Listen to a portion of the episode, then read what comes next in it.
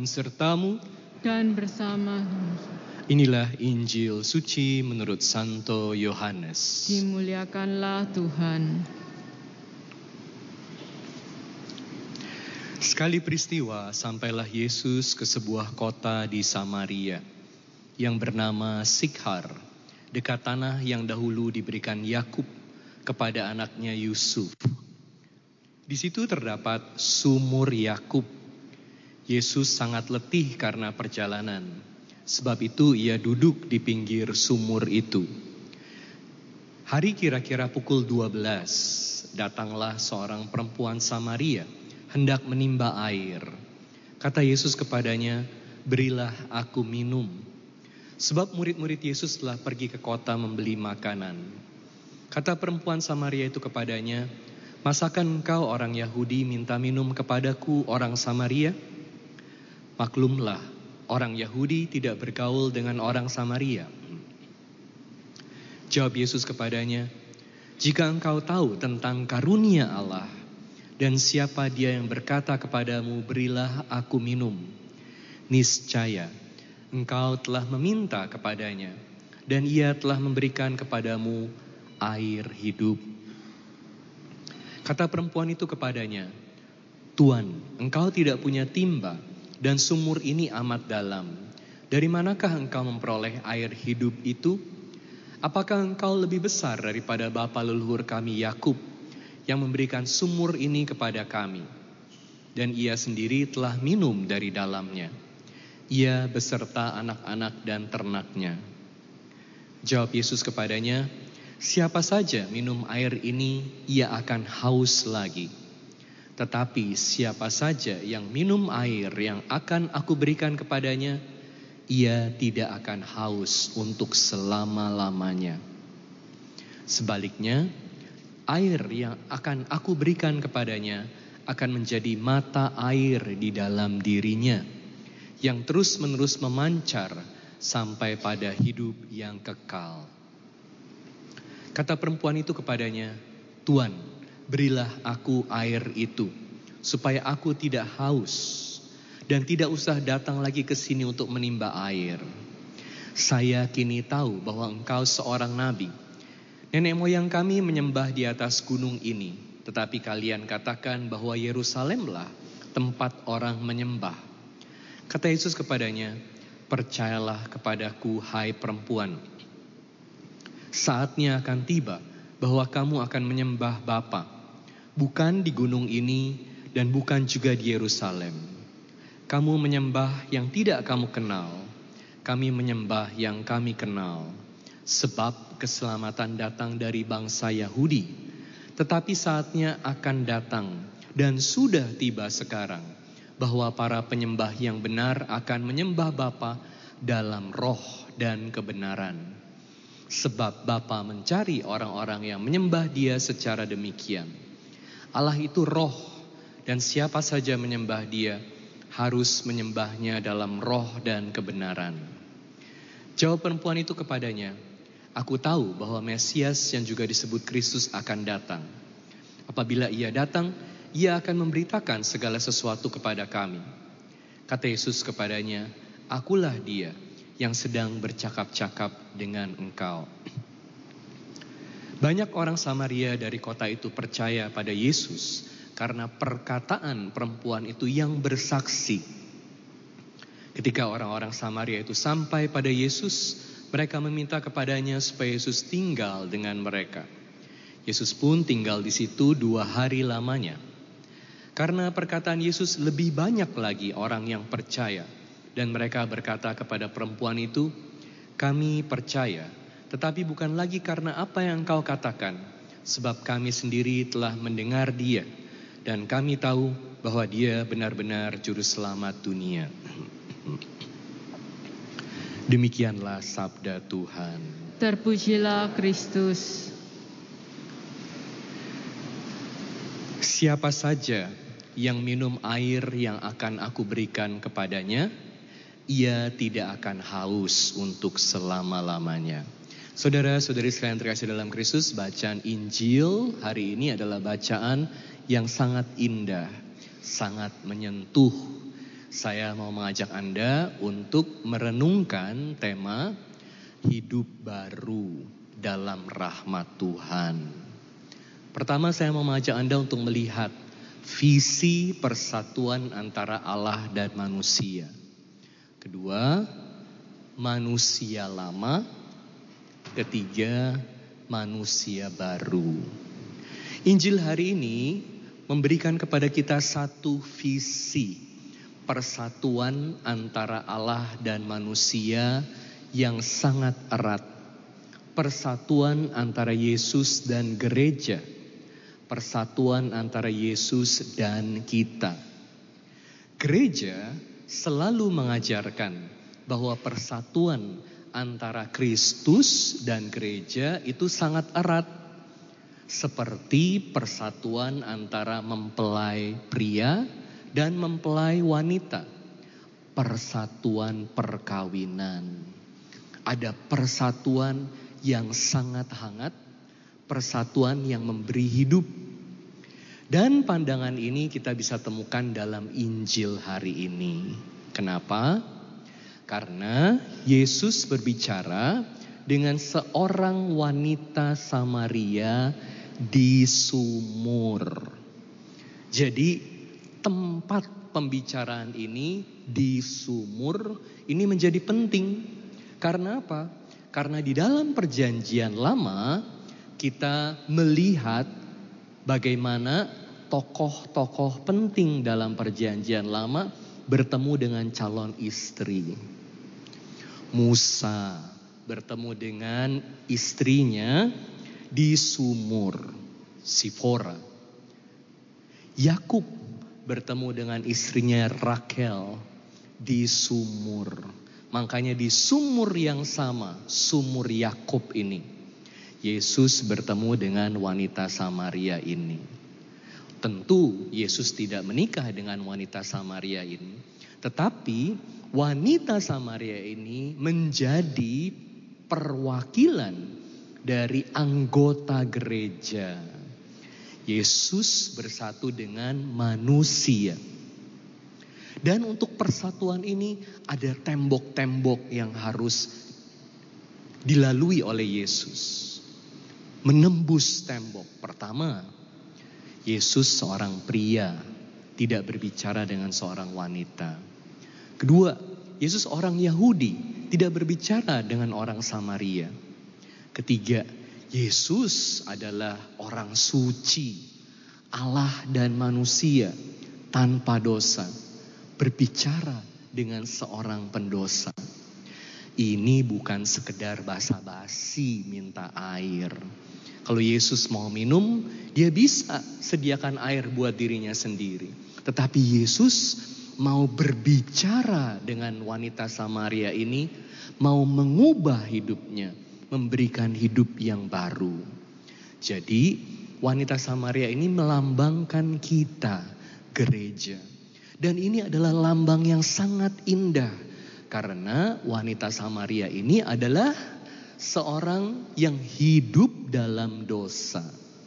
Kalau kita mendengarkan versi panjang dari Injil hari ini, kita akan mendengar bahwa wanita Samaria ini sedang hidup dengan seorang pria, hidup bersama, dan pria ini bukan suaminya.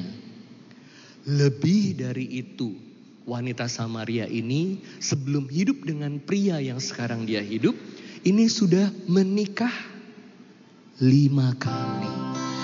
Ada di sini yang sudah menikah lima kali.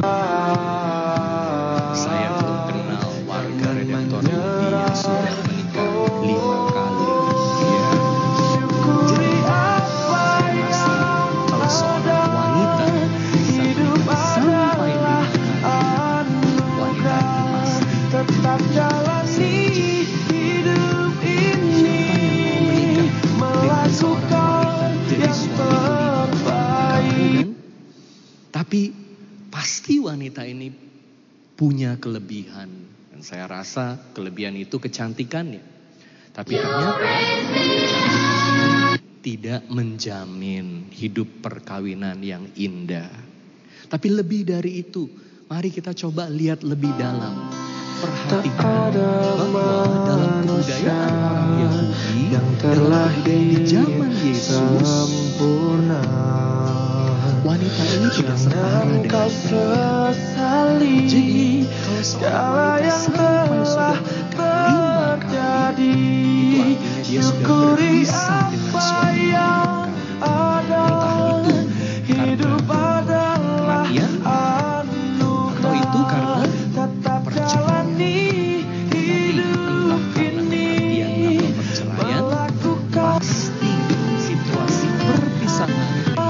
di sang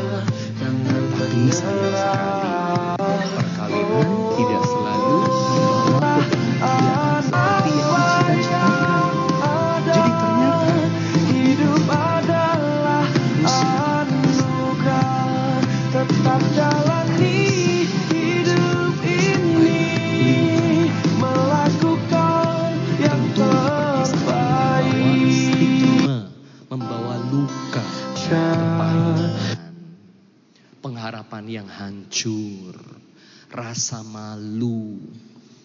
Dan kalau orang sampai gagal seperti itu, apa dia punya harapan untuk masa depannya?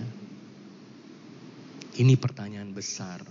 Seringkali kita hidup dalam masa lalu. Karena luka masa lalu kita nggak bisa keluar. Punya hidup yang penuh harapan, punya hidup yang indah. Masa depan selalu dihantui oleh kesalahan masa lalu. Tadi Anda dengar gak? Wanita ini pergi ke sumur itu jam berapa? 12 siang. Kalau pergi ke sumur, bawa air berat-berat, lebih baik pagi atau siang? Pagi. Dingin, sejuk, enak. Tapi kalau pergi ke sumur pagi-pagi, karena semua orang pergi ke sumur pagi-pagi, artinya wanita Samaria ini juga akan ketemu banyak orang. Banyak ibu-ibu lain juga yang sedang pergi ke sumur.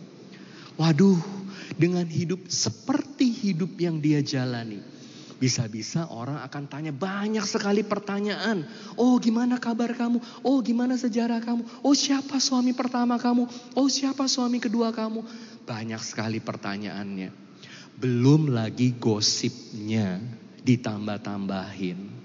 Udah membuka luka masa lalu, membawa rasa malu.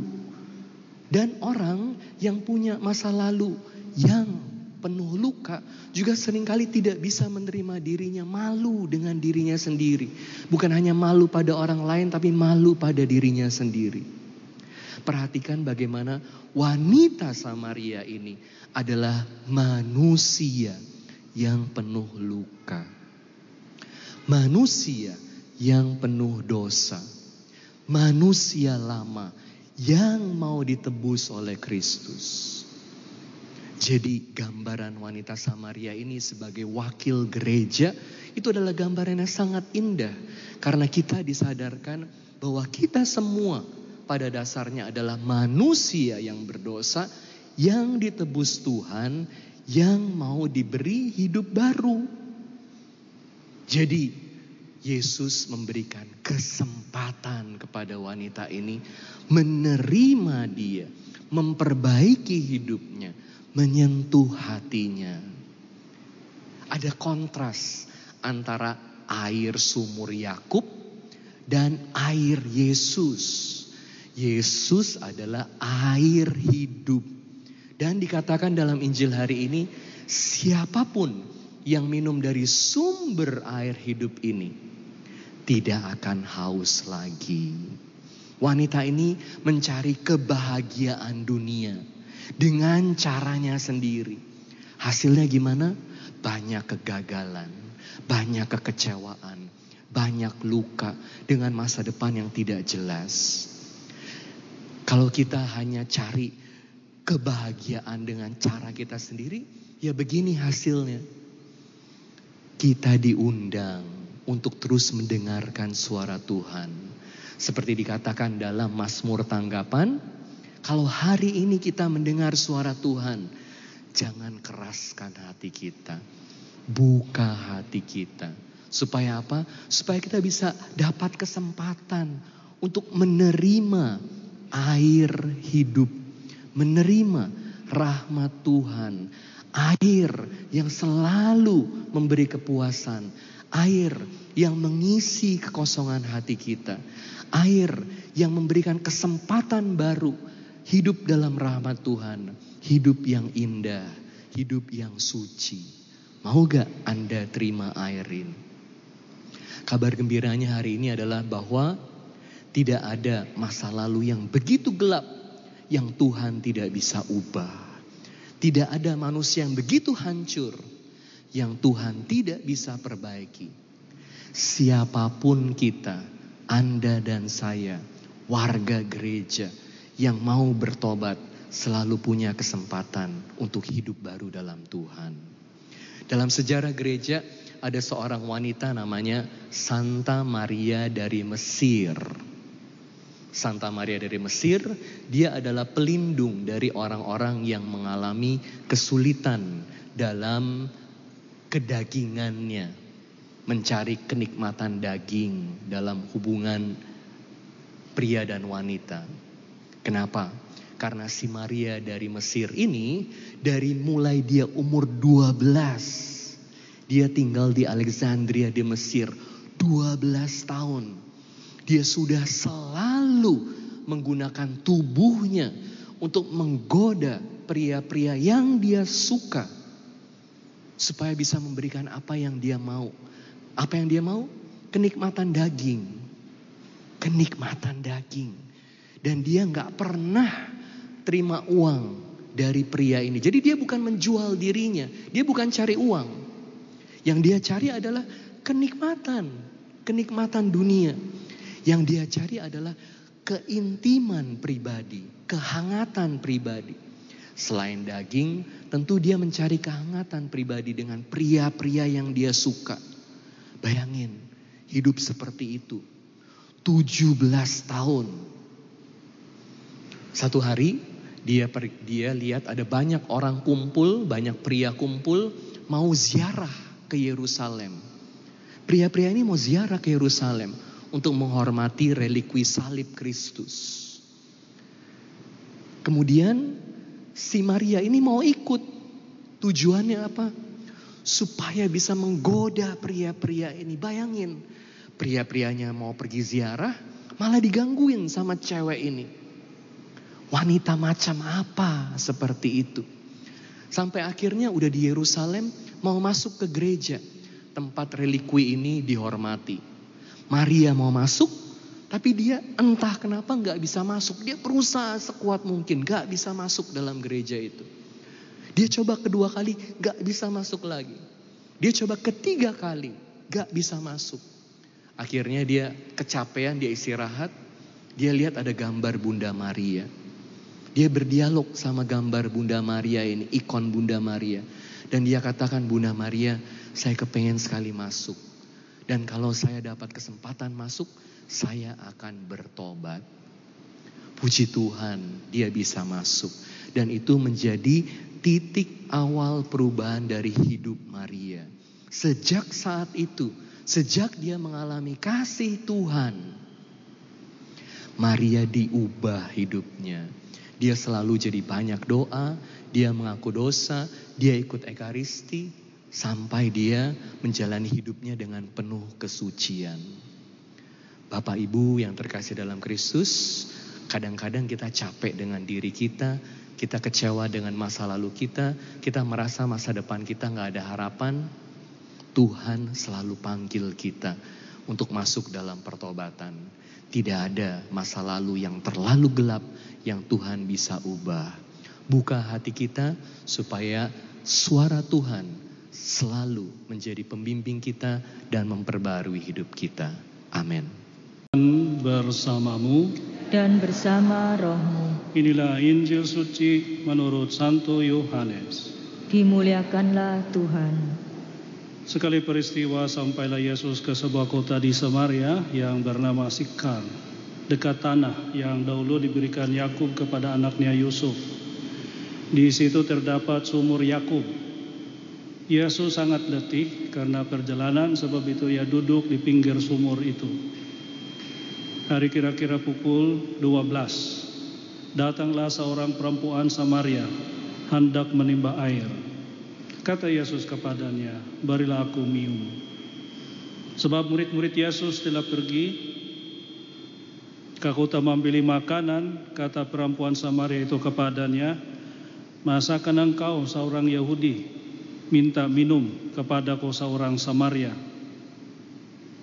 Maklumlah, orang Yahudi tidak bergaul dengan orang Samaria.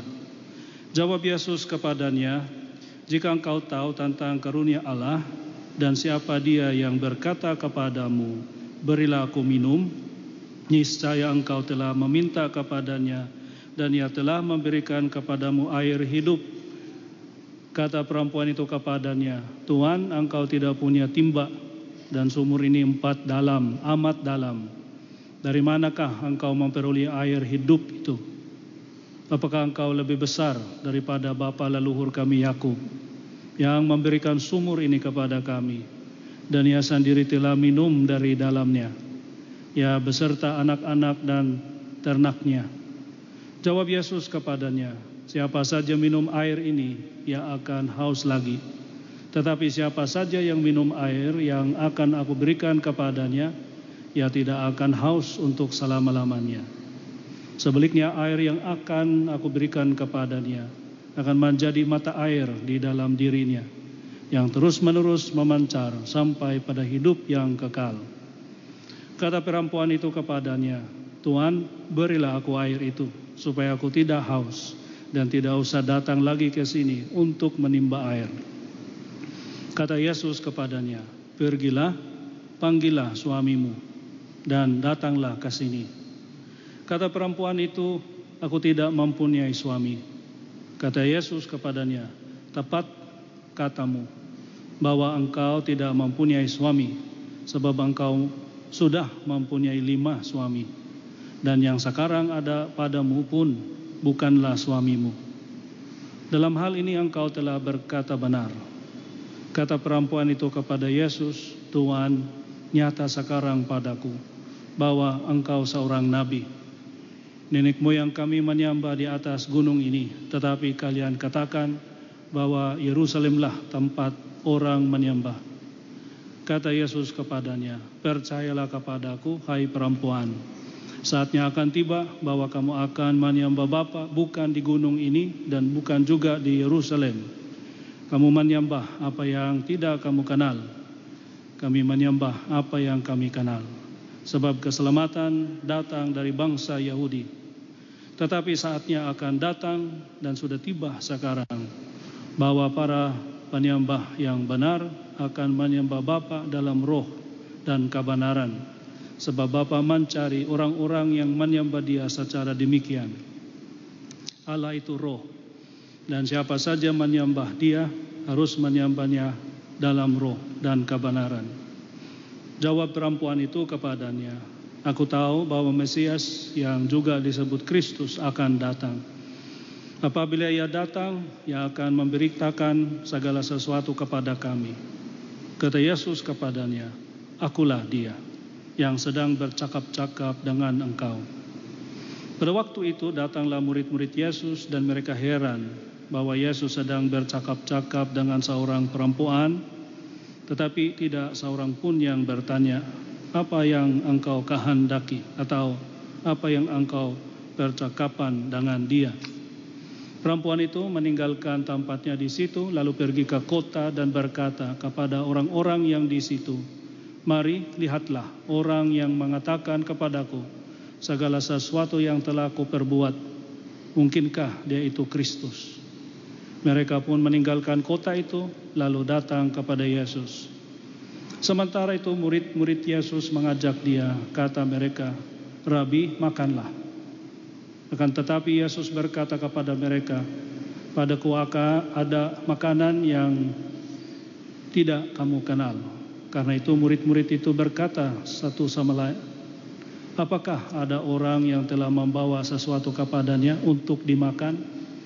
Kata Yesus kepada mereka, makananku ialah melakukan kehendak dia yang mengutus aku dan menyelesaikan pekerjaannya. Bukankah kamu mengatakan, empat bulan lagi tibalah musim menuai. Tetapi aku berkata kepadamu, lihatlah sekelilingmu, pandanglah ladang-ladang yang sudah menguning dan matang untuk dituai. Sekarang juga penuai telah menerima upahnya, dan ia mengumpulkan buah untuk hidup yang kekal, sehingga penabur dan penuai sama-sama bersuka cita. Sebab dalam hal ini benarlah peribahasa yang seorang menabur dan yang lain menuai. Aku mengutus kamu untuk menuai apa yang tidak kamu usahakan. Orang-orang lain berusaha dan kamu datang memetik hasil usaha mereka. Banyak orang Samaria dari kota itu percaya kepada Yesus karena perkataan perempuan itu yang bersaksi. Ia mengatakan kepadaku segala sesuatu yang telah aku perbuat. Ketika orang-orang Samaria itu sampai kepada Yesus, mereka meminta kepadanya supaya Yesus tinggal dengan mereka. Yesus pun tinggal di situ dua hari lamanya. Karena perkataan Yesus, lebih banyak lagi orang yang percaya. Dan mereka berkata kepada perempuan itu, kami percaya, tetapi bukan lagi karena apa yang engkau katakan. Sebab kami sendiri telah mendengar dia dan kami tahu bahwa dia benar-benar juru selamat dunia. Demikianlah sabda Tuhan. Terpujilah Kristus. Bacaan Injil kita pada malam ini uh, cukup panjang tapi bagus intinya. Saat saya mau merenungkan bacaan Injil ini saya ingat waktu Romo Paul masih baru belajar bahasa Indonesia. Ya, ini Romo Paul bukan seorang yang uh, tuli, tuli ya, gak bisa dengar, tapi dia bisa dengar, tapi karena bahasa Indonesia itu baru dia belajar saja, dia baru belajar bahasa Indonesia, dia bisa mendengar sateliti itu. Ada orang yang datang bilang, uh, Romo waktu khotbahnya tolong bicara keras, lebih keras, karena saya seorang sedikit budak, uh, budak. Tapi Romo pernah sudah pernah ke Jogja, dia belajar sana satu bulan, dia tahu makanan gudak. Jadi Romo Paul bilang, ya saya suka itu gudak. Ya. Romo bukan gudak, budak, budak. Ya saya agak, ya gudak yang ayam itu. Ya. Jadi uh, bapaknya pergi dan dia bersungut-sungut. Ternyata Romo budak juga. ya. Saya ingat itu karena saya mau bercerita satu seorang di Pabel untuk menggambarkan pesan atau uh, pelajaran dari bacaan Injil kita hari ini. Namanya Helen Keller. Helen Keller. Dia seorang di Pabel, tapi saat dia dilahirkan bukan di Pabel sih, dia uh, bisa lihat, dengar dan ya gak bisa bicara karena masih uh, anak kecil. Tapi saat dia tahun satu setengah tahun lah umurnya, dia kena penyakit dan menjadi buta dan tuli. Karena dia buta dan tuli, dia gak bisa mendengar apa-apa, gak bisa niru lah untuk bicara. Jadi dia menjadi seperti bisu lah, gak bisa bicara, bisa berkomunikasi seperti uh, binatang liar. Ya, dia tinggal di dunia ini, tapi ya gak bisa berkomunikasi karena gak bisa melihat dan mendengar. Tetapi dia pernah ketemu orang namanya Ani Sullivan. Ya, Ani itu waktu dia ketemu uh, Helen Keller, dia umur 20, 20-an. Helen Keller hanya cuman umur 7. Dan ini luar biasa uh, pertemuan mereka sebagai guru dan murid. Karena si Ani itu Sullivan, dia datang dan dia melihat benar-benar berusaha mengajar Helen Keller sampai dia bisa berhasil. Waktu dia meninggal, meskipun dia tetap buta, tuli dan gak bisa berbicara secara biasa, dia pernah ya nulis seorang penulis dan dia pernah di di anulah dipanggil atau sebagai tamu beberapa presiden itu ya, di Amerika karena dia seorang sukses. Bagaimana bisa orang buta dan tuli itu bisa berkomunikasi dengan caranya sendiri? Satu kali dia uh, Ani Sullivan itu gurunya datang dan kasih kepada dia tupi, tupi. Jadi dia sudah antisipasi, oh ini mau keluar ini. Jadi semangatnya luar biasa, dia lari-lari, masih kecil, tuh, uh, umur tujuh. Dia nulis itu dari di bukunya. Dan di situlah ada seperti mukjizat, tapi dengan cara sederhana dia menemukan kelebihannya. Apa itu? Dia bisa mengatasi, meskipun dia seorang difabel, tapi dia bisa mengatasi itu. Mereka pergi ke sumur. Nah, di sumur itu ada pipa yang di situlah keluar airnya. Ada yang menimba air di situ. Dan dia uh, gurunya si Ani itu taruh tangannya di bawah air itu. Dia bisa rasakan itu dingin air ya gitu. Dan dan saat itu dia uh, gurunya si uh, Ani itu nulis.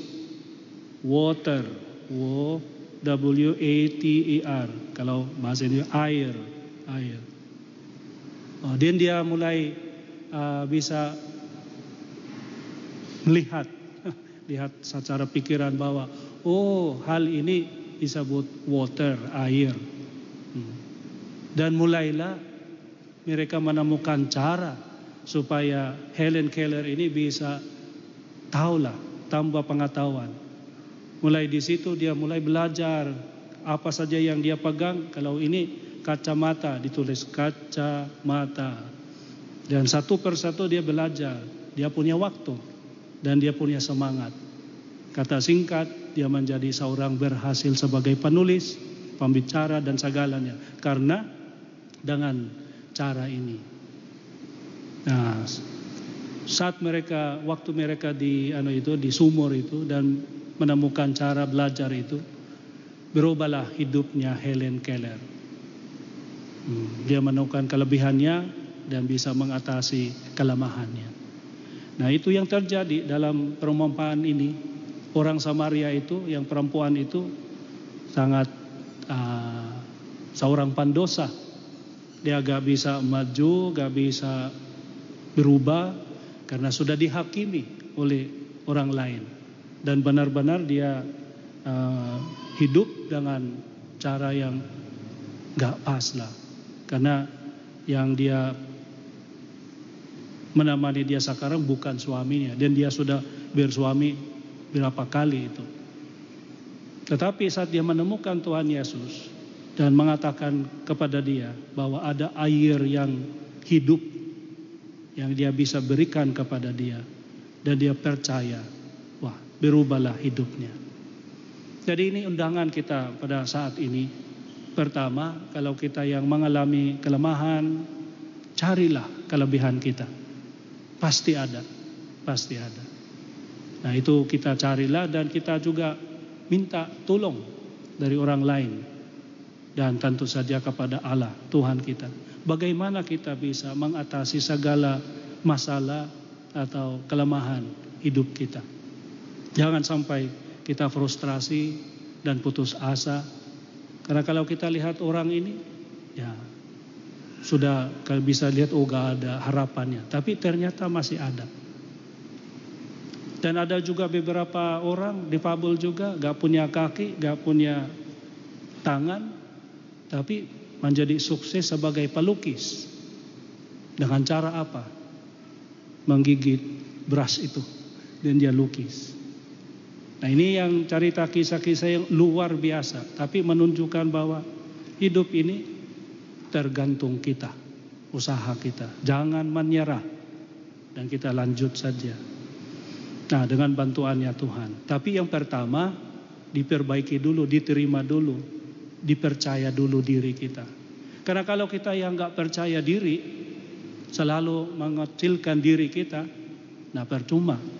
Ada yang datang menunjukkan kelebihan kita, tapi kita gak percaya, pasti gak maju-maju. Tapi kalau kita yang mulai percaya kepada diri kita, carilah caranya. Dan saat kita menemukan itu, berusaha terus sampai berhasil. Dan bisalah kita berkembang juga. Nah, setelah dia menemukan Tuhan Yesus, apa yang dilakukan perempuan itu? Bukan hanya dia berbahagia sudah menemukan Tuhan Yesus, tapi kebahagiaan itu dia bagikan kepada sesamanya, kepada orang kampung sama uh, di sana. Dia memberitahukan itu. Jadi ini undangan kita. Satu cara untuk belajar adalah mengajar. Kalau mau kita mendapatkan anugerah dari Tuhan, kita berusahalah membagikan anugerah itu kepada orang lain. Saat kita menyampaikan itu kepada orang lain dan orang lain juga bisa menemukan Tuhan Yesus, lebih berkembang, lebih ada kebahagiaan. Karena kita sudah pernah menemukan orang yang tersesat, orang yang hilang dalam kebingungan dan kita bisa menginspirasi mereka. Mungkin tetap kita ada kelemahan hidup sendiri, tapi kelemahan itu menjadi kelebihan. Satu contoh adalah orang yang cerebral palsy itu. Kalau kita satu pembicara kami waktu retreat di Universitas Santo Thomas, satu pembicara kami seorang difabel juga dan dia cerebral palsy. Kepalanya goyang-goyang seperti ini, gak bisa bicara lancar, tapi ya bisa pelan-pelan lah. Dan dia bercerita bahwa waktu dia masih kecil, dia disuruh adopsi oleh orang tuanya Biasanya kalau disuruh adopsi, wah dia bisa jengkel dan dia bisa marah-marah kepada ibu kandungnya mengapa mereka nolak dia. Tapi dia bu, uh, tidak, dia tetap bersyukur karena dia sadar bahwa orang tuanya kurang mampu. Jadi kalau mereka yang menjaga dia pasti keberatan. Jadi dia sangat bersyukur bahwa dia disuruh adopsi. Dan yang mengadopsikan dia orang juga yang cukup peduli dan pakat dan mencintai dia. Dia dapat dua-duanya, dua orang tua lah. Yang menolak tapi sebenarnya mengarahkan dia berpisah supaya dia bisa mendapatkan hidup yang lebih bisa ada kemungkinan berhasil atau dia berkembang bertumpu dengan uh, penuh cinta kasih dari orang tua kedua itu. Dan dia karena dia percaya dan bersyukur dan meskipun hidupnya seperti itu, dia menjadi presiden di antara orang-orang cerebral palsy juga. Nah, tapi pertanyaannya buat dua ribuan lebih peserta retreat itu, bagaimana saya bisa menolong kalian? Wah itu pertanyaan yang luar biasa. Seorang di Pabel, seorang yang cerebral palsy, tapi dia yang menanyakan. Karena dia pernah menemukan sumber, sumber anugerah seperti air mata, air mata, mata air, ha, sumber, sumber uh, anugerah. Di situlah dia bisa bersyukur, karena dia bersyukur dan dia uh, selalu berpikir uh, bagaimana dia membagikan uh, anugerah yang dia dapatkan dari orang lain itu kepada sesamanya dan dia menjadi seorang pelayan. Jadi ini yang undangan kita pada malam ini. Pertama, kalau kita yang bersalah ada keberatan hidup kita, jangan menyerah atau putus asa, carilah cara keluarnya. Dan kalau kita yang punya kemampuan, tolonglah orang lain yang punya kesulitan seperti itu. Nah, saat kita menolong orang lain, dan mengarahkan mereka kepada Tuhan, bisa terjadilah yang terjadi kepada perempuan ini. Dia pernah menjadi seorang misioner. Dulu dia seorang pandosa, sekarang pembawa kabar baik kepada sesama, menjadi seorang pawarta, bukan pandosa lagi. Dan orang lain bisa bilang kepadanya, kami percaya, tetap bukan bagi karena apa yang engkau katakan. Sebab kami sendiri telah mendengar dia dan kami tahu bahwa dia benar-benar juru selamat dunia. Nah ini yang luar biasa. Pada akhirnya bukan kita pamer, tetap orang melihat kita dan bersyukur kepada kita, bukan. Kita menjadi saluran saja, saluran rahmatnya Tuhan kepada sesama. Dan semoga kita bisa, melakukan ini, jangan menyerah atau suruh gagal atau kalah dengan kesulitan atau masalah hidup, tapi dipakailah kesulitan itu menjadi kelebihan. Karena kalau ada berat, uh, contoh kalau kita mau menjadi seorang berutut sehat, kadang-kadang kita pilih dumbbell atau yang berat itu untuk ya memang masalah itu masalah hidup ada gunanya. Kalau kita bisa mem memanfaatkan itu. Dan apa pun yang kita terima dan kita dapatkan dari situ dibagikan kepada sesama kalau kita membagikan anugerah Allah kepada sesama itu bukan mengurang selain lebih menambah dan berlimpah-limpah. Amin. With you, And with your spirit, a reading from the Holy Gospel according to Saint John. glory to you, O Lord. Jesus came to a town of Samaria called Sychar, near the plot of land that Jacob has had given to his son Joseph. Jacob's well was there. Jesus, tired from his journey, sat down there at the well. It was about noon. A woman of Samaria came to draw water, and Jesus said to her, Give me a drink. His disciples had gone into the town to buy food. The Samaritan woman said to him, How can you, a Jew, ask me, a Samaritan woman, for a drink? For Jews use nothing in common with Samaritans. Jesus answered and said to her, If you knew the gift of God and who is saying to you, Give me a drink, you would have asked him, and he would have given you living water. The woman said to him, Sir, you do not even have a bucket, and the cistern is deep. Where then can you get this living water? Are you greater than our father Jacob? Have you, and who gave us this cistern and drank from it himself, with his children and his flocks? Jesus answered and said to her, Everyone who drinks this water will be thirsty again. But whoever drinks the water I shall give will never thirst. Eh, the water I shall give will become in him a spring of water welling up to eternal life. The woman said to him, Sir, give me this water so that I may not be thirsty or have to keep coming here to draw water. Jesus said to her, Go call your husband and come back. The woman answered and said to him, I do not have a husband. Jesus answered her, You are right in saying you do not have a husband, for you have five husbands, and the one you have now is not your husband. What you have said is true, the woman said to him. Sir, I can see that you are a prophet. Our ancestors worship in this mountain, but you people say that the place to worship is in Jerusalem.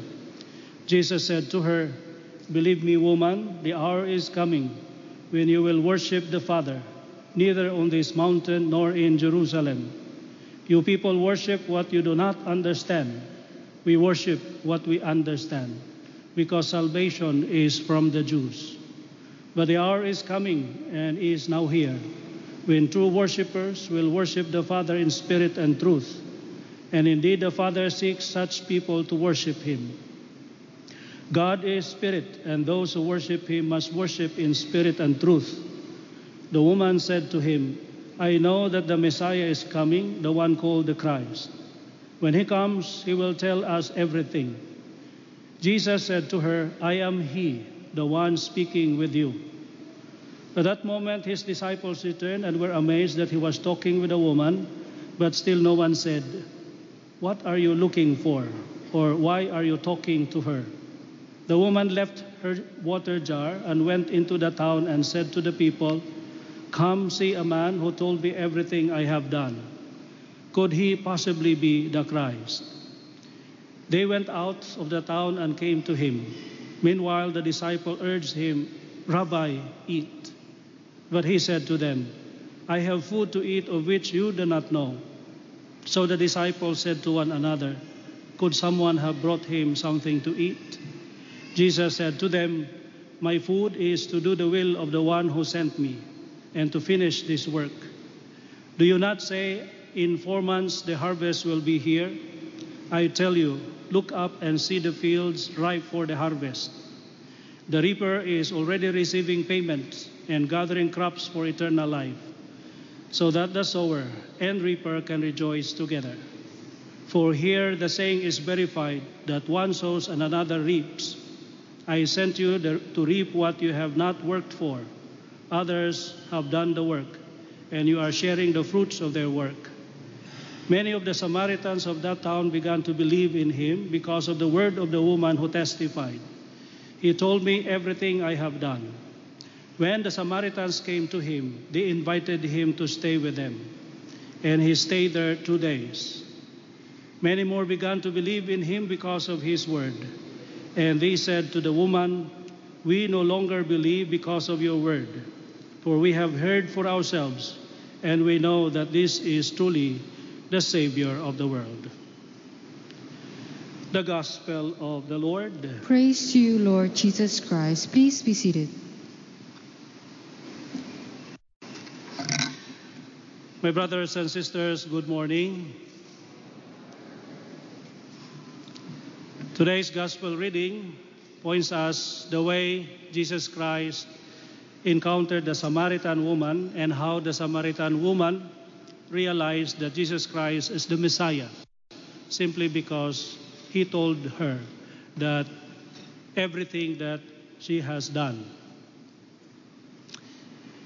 There was this another encounter which I know between Helen Keller and Annie Sullivan. Who is Helen Keller?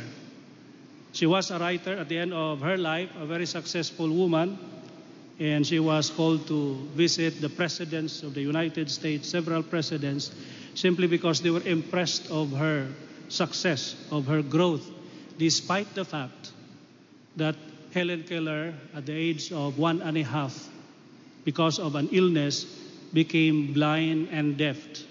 Blind and deaf. And because of that, she could not speak because she has no sound to imitate. So she was like a wild animal, simply roaming around, but could not say anything because she could not hear and she cannot also see. But uh, the change in the life of Helen Keller happened when she was seven years old and met Annie Sullivan. Annie Sullivan at that time was 20 years old. And she was the teacher to this seven year old kid. One time, that was in 1887, Annie Sullivan came and gave the little girl a hat. And the, the little girl was already excited because she anticipated that they are about to go out and enjoy the sunshine. So she was running around excited. And indeed, they went out and went to the well house. That's a place where people get water. And then, yeah, by inspiration perhaps, what happened was the little girl played water flowing from the well or from the tube. Uh, and she was enjoying this cool thing. And then, by inspiration, Annie Sullivan wrote the letter water, W A T E R. Then uh, Annie Sullivan realized that this cool, liquid, refreshing something is called water. Of course, not saying it, but identified the letters And that started the way of uh, Annie Sullivan learning words by touching things, and then Annie Sullivan would write them. So Helen Keller learned his vocabulary this way, and eventually she became a very uh, prolific writer, despite the fact that she was blind and deaf and could not communicate normally. So this change in the life of Helen Keller happened because of he- her encounter with Anne Sullivan in the context of that flowing water. The same thing happened with uh, the Samaritan woman when she was uh, fetching water from the well and encountered Jesus. But what is the key for the change? Her perceptiveness. She was very perceptive, just like uh, Helen Keller also. When Annie Sullivan wrote the water, then she realized, oh, this is the way. When this Samaritan woman met the Lord, oh, this is the Messiah. So this is an invitation for all of us because we have encountered the Lord, especially in our baptism. We've been baptized not only with water, but the living water. And what is that living water? The Holy Spirit. That's our baptism. So we have encountered the Lord. The question is have we been sensitive to the presence of the Spirit in our life, just like Helen Keller in the case of Annie Sullivan, or the Samaritan woman in the presence of the Lord? So it takes a sensitivity to listen to the promptings of the Holy Spirit. Otherwise, yeah, there are a lot of opportunities for growth, chances for us to see the Lord, but we miss them simply because we are looking for something else. Just like the Pharisees at that time, they already have the Lord before them, greater than Jonah, but they could not see and they could not recognize him because they have these prejudices and preconceived ideas in their minds. So it takes a kind of sensitivity and a deep sense of awareness of God's presence.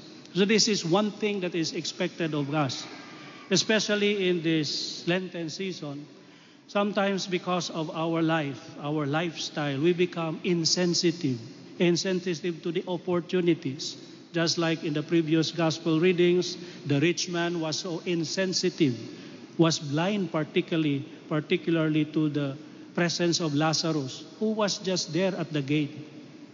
That's why we are called to fast and uh, have uh, this penance, and then, of course, to sharpen our sensitivity of God's presence. Because you know, the difference between what is good and what is bad can sometimes be very thin, very thin. Well, just to illustrate the point, I remember this uh, incident in the life of Father Paul Talavera, who was who used to be assigned here also, and now he is the parish priest of Santissimo Rosario Parish in UST Manila. When she was when he was here, he learned, of course, the language. He went to Jogja to learn the language for a course, yeah, in Sanata Dharma.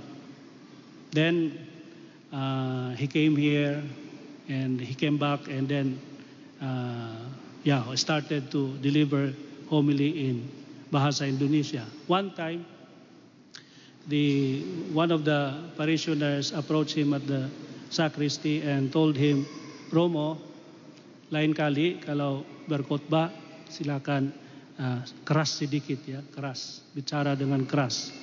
Karena saya sedikit budak. Ah, budak. Uh, Romonya pikir, oh gudak. Uh, gudak itu enak kah? Eh, Enak ya, budak ya. Saya tahu itu gudak. No, Romo Romo bukan gudak, budak, budak. Tapi uh, because he was not used to the language yet, he insisted on gudak. Ya itu ayam kan di Jogja, saya pernah ke Jogja makan gudak. Dan uh, because the man, ya, he just went away and said, ya ternyata Romo budak juga. because I, she was already saying budak, gudak. Because really, as a foreigner, we cannot see the difference. Now, sometimes that's what happened to us. the promptings of the world and the promptings of the Lord can be very similar, similar. That's why it takes a lot of sensitivity. So that's the first thing.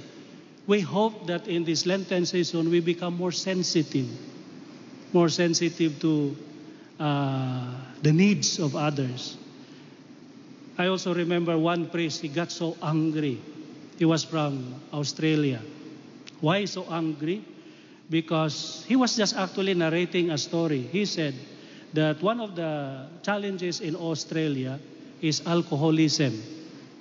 And then people there would really strive hard to, you know, uh, be sober. And there are those who are also already sober for three years. But you know, their friends, out of insensitivity, would make a joke out of their struggle, would offer them just one shot, one shot, sorry. You know, for those who are not addicted to drug, uh, to, to alcohol, it might just be one shot. But for those who are addicted to alcohol, this one shot means destruction, very destructive because it will, they will now slip back to their, to their uh, addiction. So don't make a joke out of that.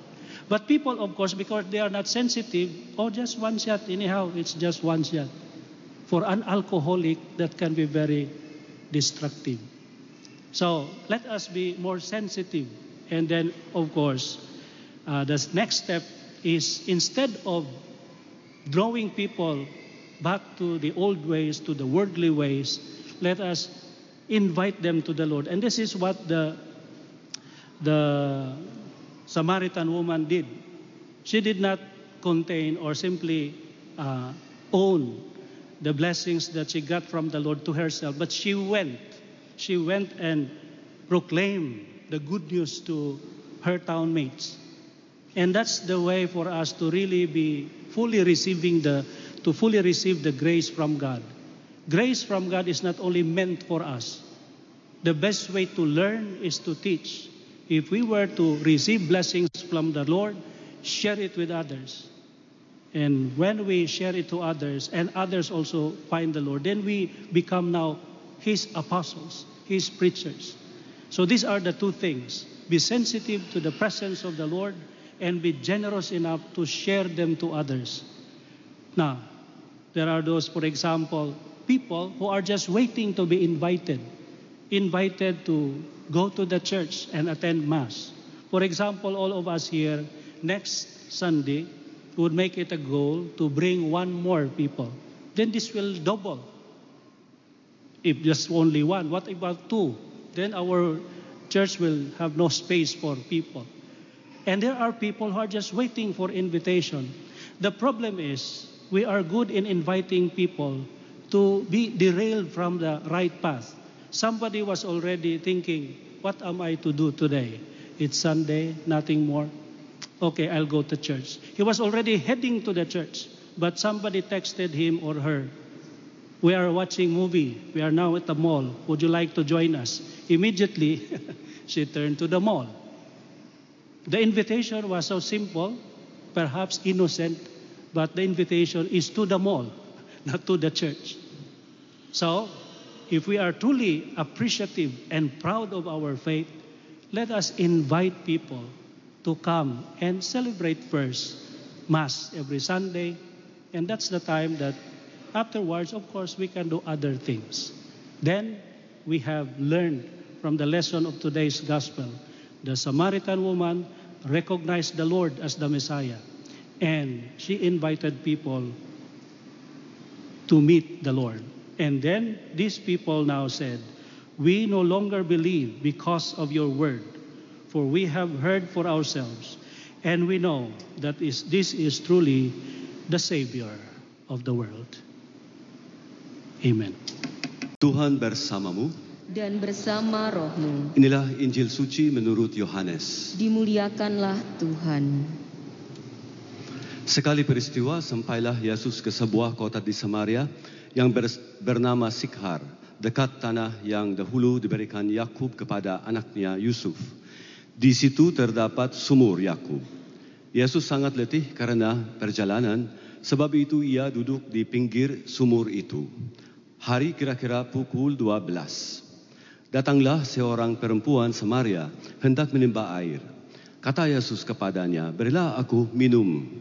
Sebab murid-murid Yesus telah pergi ke kota membeli makanan. Kata perempuan Samaria itu kepadanya, Masakan engkau seorang Yahudi minta minum kepadaku seorang Samaria?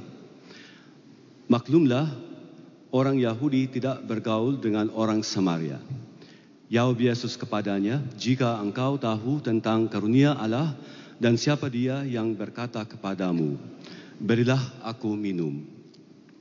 Niscaya engkau telah meminta kepadanya dan ia telah memberikan kepadamu air hidup. Kata perempuan itu kepadanya, Tuhan, engkau tidak punya timba dan sumur ini amat dalam. Dari manakah engkau memperoleh air hidup itu? Apakah engkau lebih besar daripada bapa leluhur kami Yakub yang memberikan sumur ini kepada kami dan ia sendiri telah minum dari dalamnya. Ia beserta anak-anak dan ternaknya. Jawab Yesus kepadanya, siapa saja minum air ini, ia akan haus lagi. Tetapi siapa saja yang minum air yang akan aku berikan kepadanya, ia tidak akan haus untuk selama-lamanya. Sebaliknya air yang akan aku berikan kepadanya akan menjadi mata air di dalam dirinya yang terus-menerus memancar sampai pada hidup yang kekal. Kata perempuan itu kepadanya, Tuhan, berilah aku air itu supaya aku tidak haus dan tidak usah datang lagi ke sini untuk menimba air. Kata Yesus kepadanya, pergilah, panggillah suamimu dan datanglah ke sini. Kata perempuan itu, aku tidak mempunyai suami. Kata Yesus kepadanya, tepat katamu bahwa engkau tidak mempunyai suami. Sebab engkau sudah mempunyai lima suami. Dan yang sekarang ada padamu pun bukanlah suamimu. Dalam hal ini, engkau telah berkata benar. Kata perempuan itu kepada Yesus, Tuhan, nyata sekarang padaku bahwa engkau seorang nabi. Nenek moyang kami menyembah di atas gunung ini, tetapi kalian katakan bahwa Yerusalemlah tempat orang menyembah. Kata Yesus kepadanya, percayalah kepadaku hai perempuan, saatnya akan tiba bahwa kamu akan menyembah Bapa bukan di gunung ini dan bukan juga di Yerusalem. Kamu menyembah apa yang tidak kamu kenal. Kami menyembah apa yang kami kenal. Sebab keselamatan datang dari bangsa Yahudi. Tetapi saatnya akan datang dan sudah tiba sekarang bahwa para penyembah yang benar akan menyembah Bapa dalam roh dan kebenaran. Sebab Bapa mencari orang-orang yang menyembah dia secara demikian. Allah itu roh. Dan siapa saja menyembah dia harus menyembahnya dalam roh dan kebenaran. Jawab perempuan itu kepadanya, Aku tahu bahwa Mesias yang juga disebut Kristus akan datang. Apabila ia datang, ia akan memberitakan segala sesuatu kepada kami. Kata Yesus kepadanya, Akulah dia yang sedang bercakap-cakap dengan engkau. Pada waktu itu datanglah murid-murid Yesus dan mereka heran bahwa Yesus sedang bercakap-cakap dengan seorang perempuan. Tetapi tidak seorang pun yang bertanya apa yang engkau kehendaki atau apa yang engkau percap, percakapkan dengan dia. Perempuan itu meninggalkan tempayannya di situ lalu pergi ke kota dan berkata kepada orang-orang yang di situ, "Mari, lihatlah orang yang mengatakan kepadaku segala sesuatu yang telah kuperbuat. Mungkinkah dia itu Kristus?" Mereka pun meninggalkan kota itu lalu datang kepada Yesus. Sementara itu murid-murid Yesus mengajak dia. Kata mereka, Rabi, makanlah. Akan tetapi Yesus berkata kepada mereka, padaku ada makanan yang tidak kamu kenal. Karena itu murid-murid itu berkata satu sama lain, apakah ada orang yang telah membawa sesuatu kepadanya untuk dimakan? Kata Yesus kepada mereka, makananku ialah melakukan kehendak dia yang mengutus aku dan menyelesaikan pekerjaannya. Bukanlah kamu mengatakan, empat bulan lagi tibalah musim menuai? Tetapi aku berkata kepadamu, lihatlah sekelilingmu. Pandanglah ladang-ladang yang sudah menguning dan matang untuk dituai. Sekarang juga penuai telah menerima upahnya dan ia mengumpulkan buah untuk hidup yang kekal sehingga penabur dan penuai sama-sama bersukacita. Se- Sebab dalam hal ini benarlah peribahasa yang seorang menabur dan yang lain menuai. Aku mengutus kamu untuk menuai apa yang tidak kamu usahakan.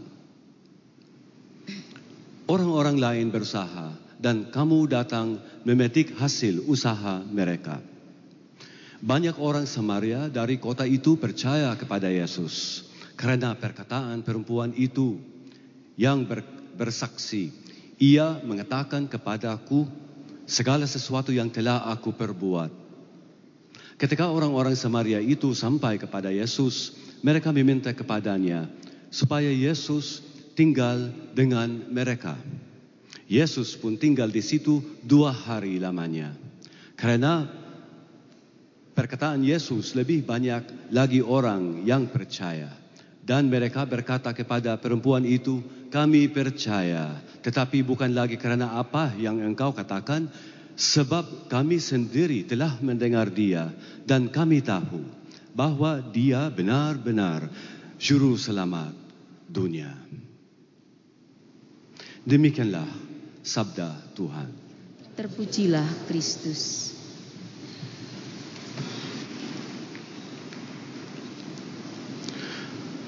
Pernahkah Anda mengalami perjalanan panjang dan di tengah jalan Anda mereka lelah? Ketika Anda setengah jalan dan Anda tahu bahwa tujuannya masih jauh, tetapi Anda juga jauh dari tempat Anda memulai. Itulah perasaan ketika Anda mulai lelah dan letih, bahkan mungkin lapar dan haus. Jadi Anda berhenti untuk beristirahat, mengisi ulang, menyegarkan diri. Yesus mampir ke sumur-sumur Yakub sementara murid-muridnya membeli makanan. Ini adalah perhentian yang sangat biasa. Tapi cerita lain dimulai. Seorang wanita mengambil air dari sumur tempat Yesus beristirahat. Wanita itu bereaksi ketika Yesus meminta air kepadanya. Karena itu bukan perlakuan yang sama yang didapat orang Samaria dari orang Yahudi. Dalam percakapan mereka, Yesus memimpin wanita itu dari pemahaman dirinya yang biasa ke pemahaman tentang bagaimana Tuhan bekerja di dalam jiwa.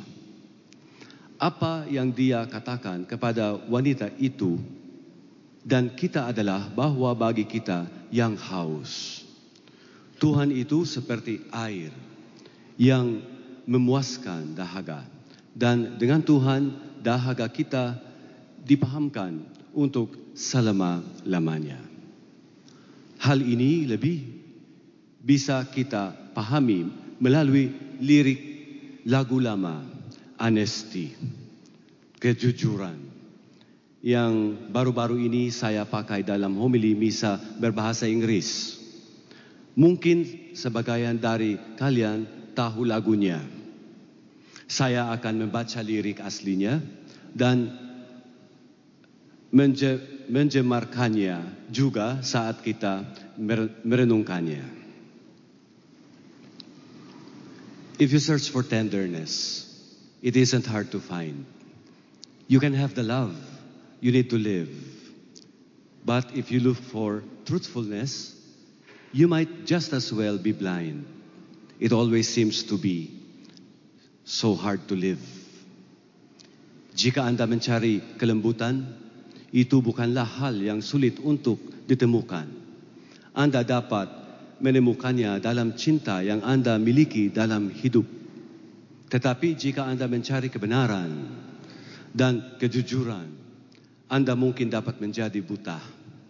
Karena tampaknya hal itu merupakan sesuatu yang sulit untuk dihidupi.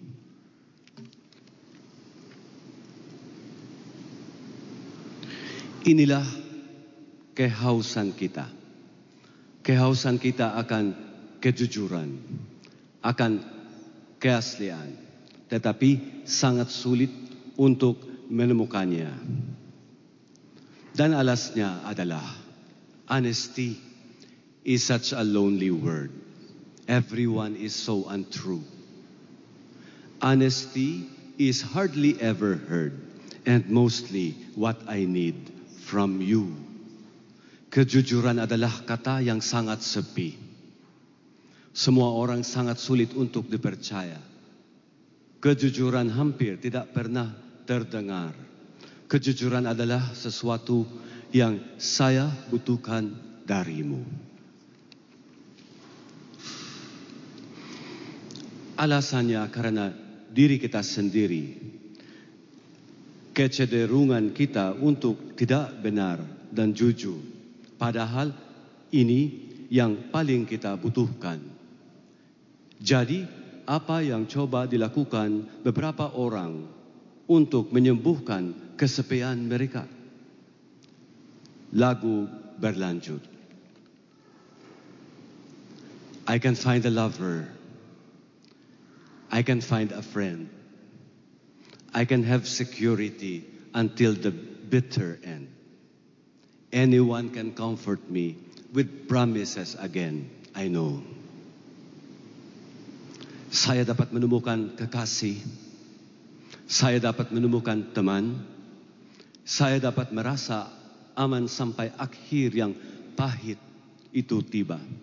Siapa pun mungkin bisa menghiburku dengan banyak janji lagi. Saya tahu. Saya tahu. Kamu melihat? Ini adalah sifat manusia, kita yang lemah. Santo Agustinus dalam Confessions, saya mengaku, menggambarkannya sebagai lebih mencintai makhluk dunia ini, lebih dari mencintai Tuhan atau memperhatikan suaranya. Ketika ini terjadi, maka kita menjadi kesepian. When I'm deep inside of me, don't be too concerned. I would ask for nothing when I am gone. But when I need sincerity, tell me, where else can I turn?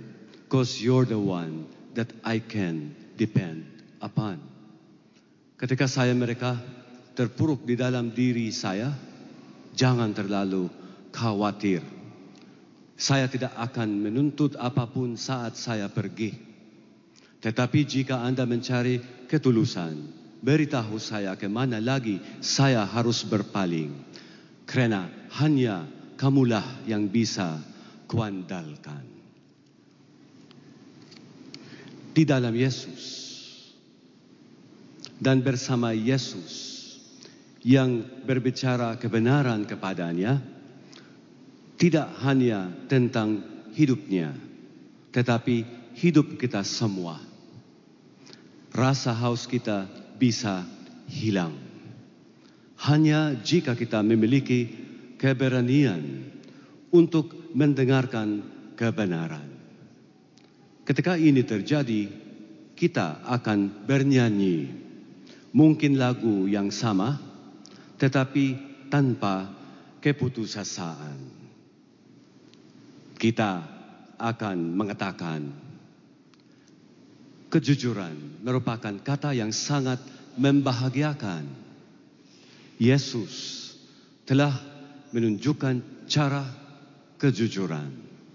Kejujuran adalah apa yang telah kita dengar, dan kejujuran adalah hal yang Dia butuhkan dari kita juga.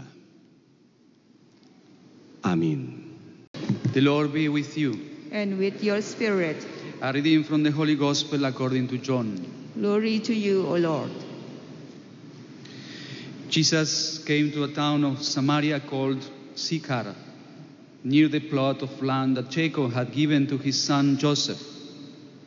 Jacob's well was there. Jesus, tired from his journey, sat down there at the well. It was about noon. A woman of Samaria came to draw water. Jesus said to her, Give me a drink. His disciples had gone into the town to buy food. The Samaritan woman said to him, How can you, a Jew, ask me, a Samaritan woman, for a drink? For, Jesus, for Jews use nothing in common with Samaritans. Jesus answered and said to her, If you knew the gift of God and who is saying to you, Give me a drink, you would have asked him, and he would have given you living water. The woman said to him, Sir, you do not even have a bucket, and the cistern is deep. Where then can you get this living water? Are you greater than our father Jacob, who gave us this cistern and drank from it himself with his children and his flocks? Jesus answered and said to her, Everyone who drinks this water will be thirsty again, but whoever drinks the water I shall give will never thirst. The water I shall give will become in him a spring of water welling up to eternal life. The woman said to him, Sir, give me this water so that I may not be thirsty or have to keep coming here to draw water. I can see that you are a prophet. Our ancestors worshipped on this mountain, but you people say that the place to worship is in Jerusalem. Jesus said to her, Believe me, woman, the hour is coming when you will worship the Father neither on this mountain nor in Jerusalem. You people worship what you do not understand. We worship what we understand because salvation is from the Jews. But the hour is coming and is now here when true worshippers will worship the Father in spirit and truth. And indeed, the Father seeks such people to worship Him. God is Spirit, and those who worship Him must worship in spirit and in truth. The woman said to him, I know that the Messiah is coming, the one called the Christ. When he comes, he will tell us everything.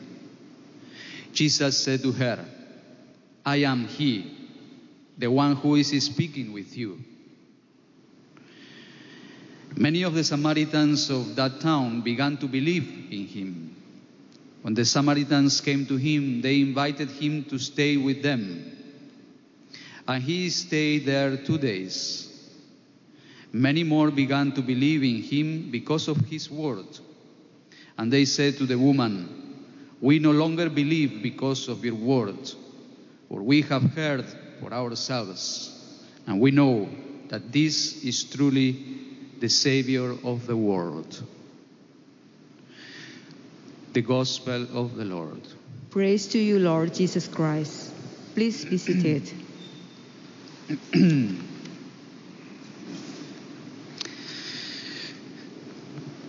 We know that one of the things that are worst to die is of thirst. If you don't drink water for many ye- many days, many weeks, you will die.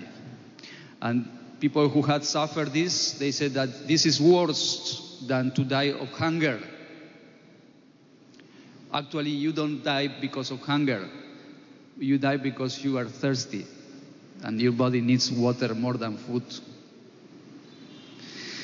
So Jesus fasted for 40 days in the desert and he didn't die because he was drinking water. So we need water. Water is more essential than food. We need water. Jesus was tired and Jesus came to the well that Jacob dug with the help of the Jews. And he sat there next to the well and asked the Samaritan woman for water. And Jesus, through really, he is man like you and me. He's thirsty. He needs to drink water.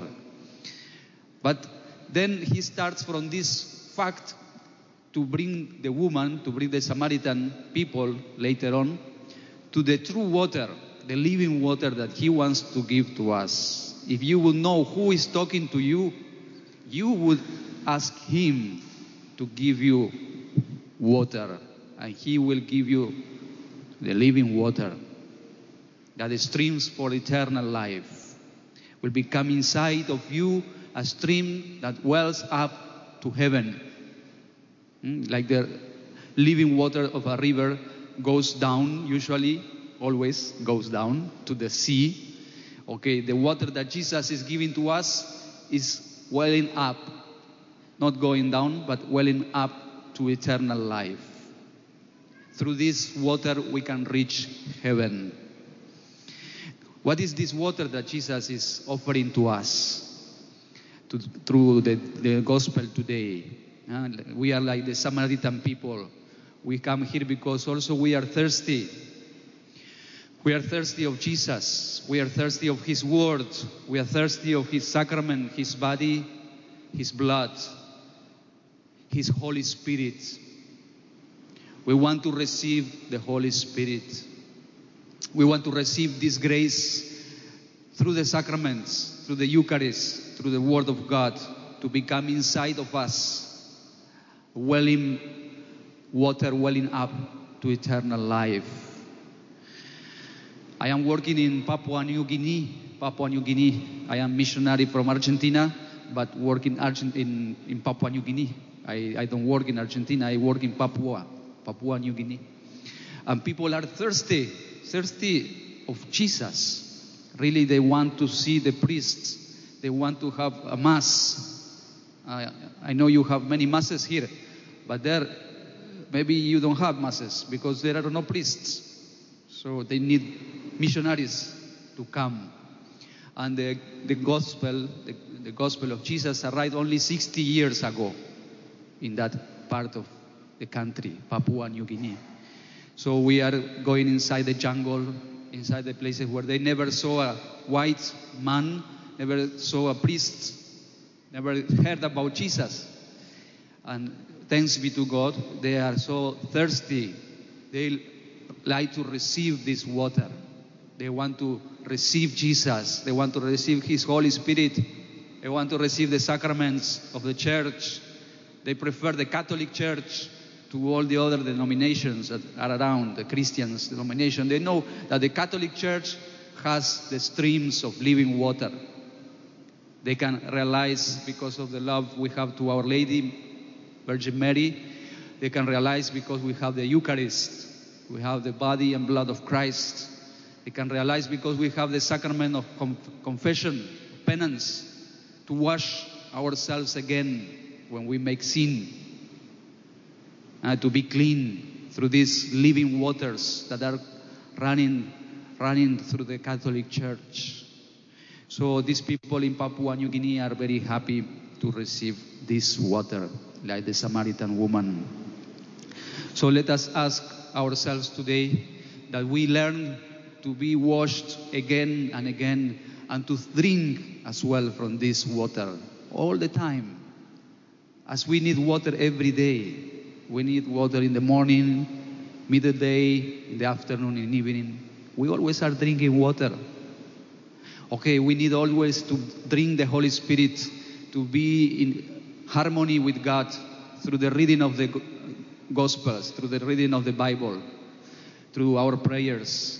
Uh, now in Lenten Lenten season, to uh, we fast. We fast from food, but we cannot fast from this living water. Otherwise, we will die. We need the water.